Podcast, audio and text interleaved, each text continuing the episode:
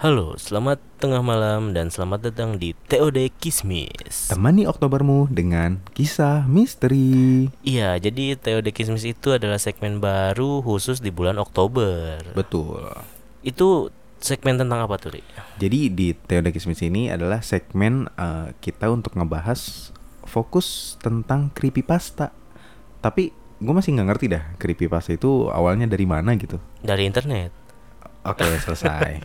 Enggak, jadi creepypasta itu sebenarnya plesetan dari kata copy paste. Hmm. Copy paste gitu Iya. kan, paste. Oke. Nah, jadi istilahnya ini tuh buat eh, tulisan-tulisan atau gambar-gambar yang udah disalin dan ditempel di situs-situs Ah-ah. dari situs satu ke situs lainnya.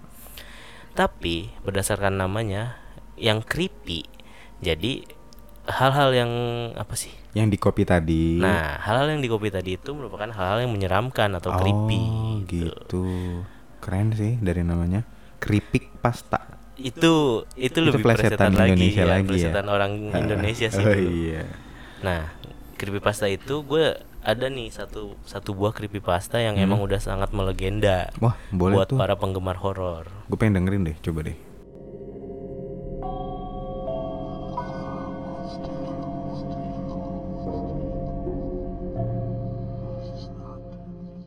Jadi pada tahun 90-an di Jepang ada seorang gadis seumuran SMP merengek pada orang tuanya untuk mengizinkannya menindik telinganya.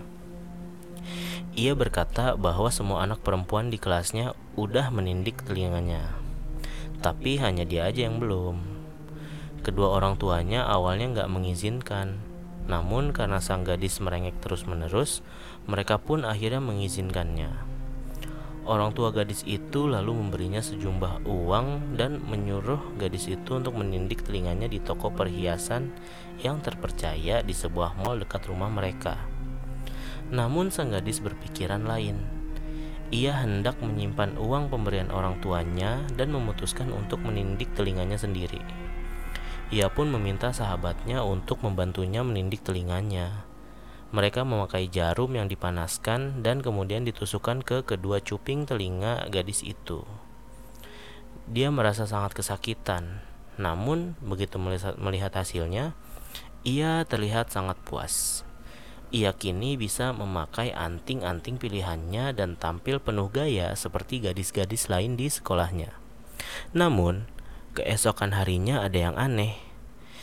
Ia terbangun di pagi hari karena rasa gatal yang teramat sangat di telinganya. Rupanya cuping telinga yang ia tindik terlihat merah dan meradang. Tak hanya itu, tampak seutas benang putih kecil menjulur dari lubang yang ia buat kemarin di cuping telinganya. Merasa penasaran, ia menarik benang itu. Benang itu sangat halus dan panjang. Ia menariknya terus-menerus, namun seakan-akan benang itu tak ada habisnya. Merasa tak sabar, gadis itu mengambil sebuah gunting dan memotong benang putih itu. Tiba-tiba semuanya menjadi gelap. Ia histeris dan memanggil kedua orang tuanya. Orang tuanya yang panik segera membawanya ke rumah sakit. "Kenapa kau bisa begini?" kata sang dokter yang memeriksanya. Kemudian sang gadis menceritakan segalanya. Sang dokter menjawab dengan suara sedih. "Hmm, maaf, tapi harus kukatakan bahwa kau akan mengalami hal ini seumur hidupmu." Kenapa? tanya gadis itu tercekat. Benang putih yang kau potong itu bukan sembarang benang putih. Benang apa itu? Tanya gadis itu putus asa. Itu saraf matamu.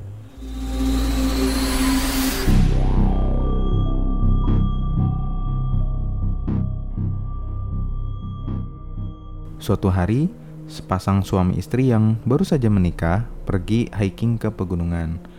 Saat matahari mulai terbenam, mereka menyadari bahwa mereka ternyata tersesat. Sang istri mulai khawatir, tetapi sang suami berusaha menenangkan dan meyakinkannya bahwa mereka akan menemukan jalan kembali ke mobil mereka. Namun, setelah berjalan beberapa jam lamanya, mereka tetap saja tidak mengetahui di mana mereka berada. Hari semakin gelap, dan suami istri tersebut mulai putus asa. Mereka tidak memiliki peta ataupun kompas, dan semua pohon tampak sama saja. Saat mereka hampir kehilangan harapan, mereka menemukan sebuah pondok. Pondok tersebut terlihat sudah kehilangan masa jayanya. Bangunannya bobrok dan tampaknya sudah lama sekali tidak digunakan. Beberapa jendelanya retak dan pecah, dan banyaknya genting yang sudah jatuh dari atap. Sang suami mengetuk pintu, namun tidak ada jawaban. Ia memutar gagang dan pintu itu perlahan berderik terbuka. Di dalam, mereka hanya melihat kerusakan yang sangat parah. Hanya sedikit perabotan yang ada dan lantainya ditutupi oleh lapisan debu tebal. Mereka berkeliling dengan hati-hati dan merasakan atmosfer yang ganjil serta bau apak yang aneh. Dinding pondok tersebut tertutupi oleh grafiti, mulai dari lantai hingga ke loteng, tertulis dengan cat merah dengan kata mati, mati, mati, mati. Ditorehkan berulang-ulang kali. Pasangan itu merasa takut, namun mereka tidak punya tempat lain untuk dituju. Gunung pada malam hari sangat berbahaya dan banyak binatang buas yang berkeliaran. Mengacuhkan tulisan menyeramkan di dinding, mereka memutuskan untuk berlindung di sana. Di lantai atas, pasangan tersebut menemukan matras penuh noda yang telah dimakan rayap. Mereka menutupi tubuh mereka dengan karpet tua untuk menghangatkan diri dan akhirnya tertidur. Lewat tengah malam, mereka terbangun oleh suara gemerisik yang aneh. Suara tersebut terdengar seperti seseorang atau sesuatu yang mondar-mandir di luar pondok. "Kamu mendengarnya?" tanya sang istri. "Sepertinya ada orang di luar." Sang suami mendengarkan sejenak, tetapi tidak ada suara apa pun. Ia bangkit dari tempat tidur dan berjalan menuju jendela. Di luar terlalu gelap untuk melihat apa pun. Ia membuka jendela dan melongokkan kepala. "Siapa di sana?" teriaknya dengan gugup lalu tidak ada jawaban. Ia hendak kembali ke tempat tidur ketika istrinya berkata, "Mungkin orangnya tidak bisa bicara." Sang suami kembali ke jendela dan berkata, "Ada orang di sana." Bertepuklah sekali untuk "ya" dan dua kali untuk "tidak". Ia menajamkan telinga untuk mendengarkan. Bintang berkelip di langit malam. Suara jangkrik mengerik keras. Tiba-tiba ia dikejutkan oleh suara yang lantang. Lelaki itu menoleh pada istrinya dan berkata, "Kamu benar, ada orang di luar sana." Ia mencondongkan tubuh keluar jendela dan matanya memindai ke kegelapan.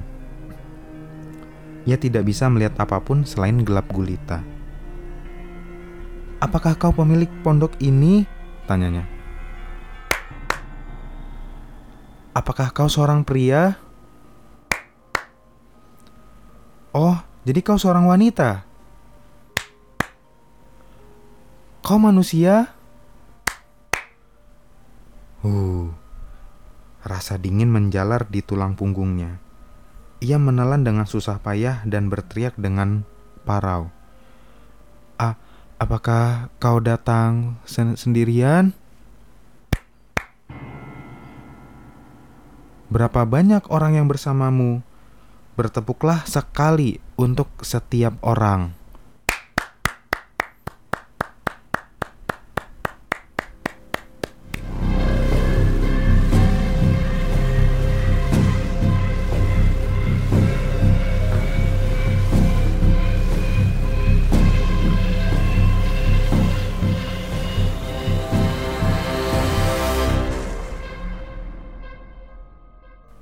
So, buat para penunggu malam yang ingin mengirimkan cerita bisa ke DM Instagram kita di @ctmberbagicerita atau buat kalian yang dirasa ceritanya cukup panjang, kalian bisa mengirimkan ke email kita yang di mana, Ri?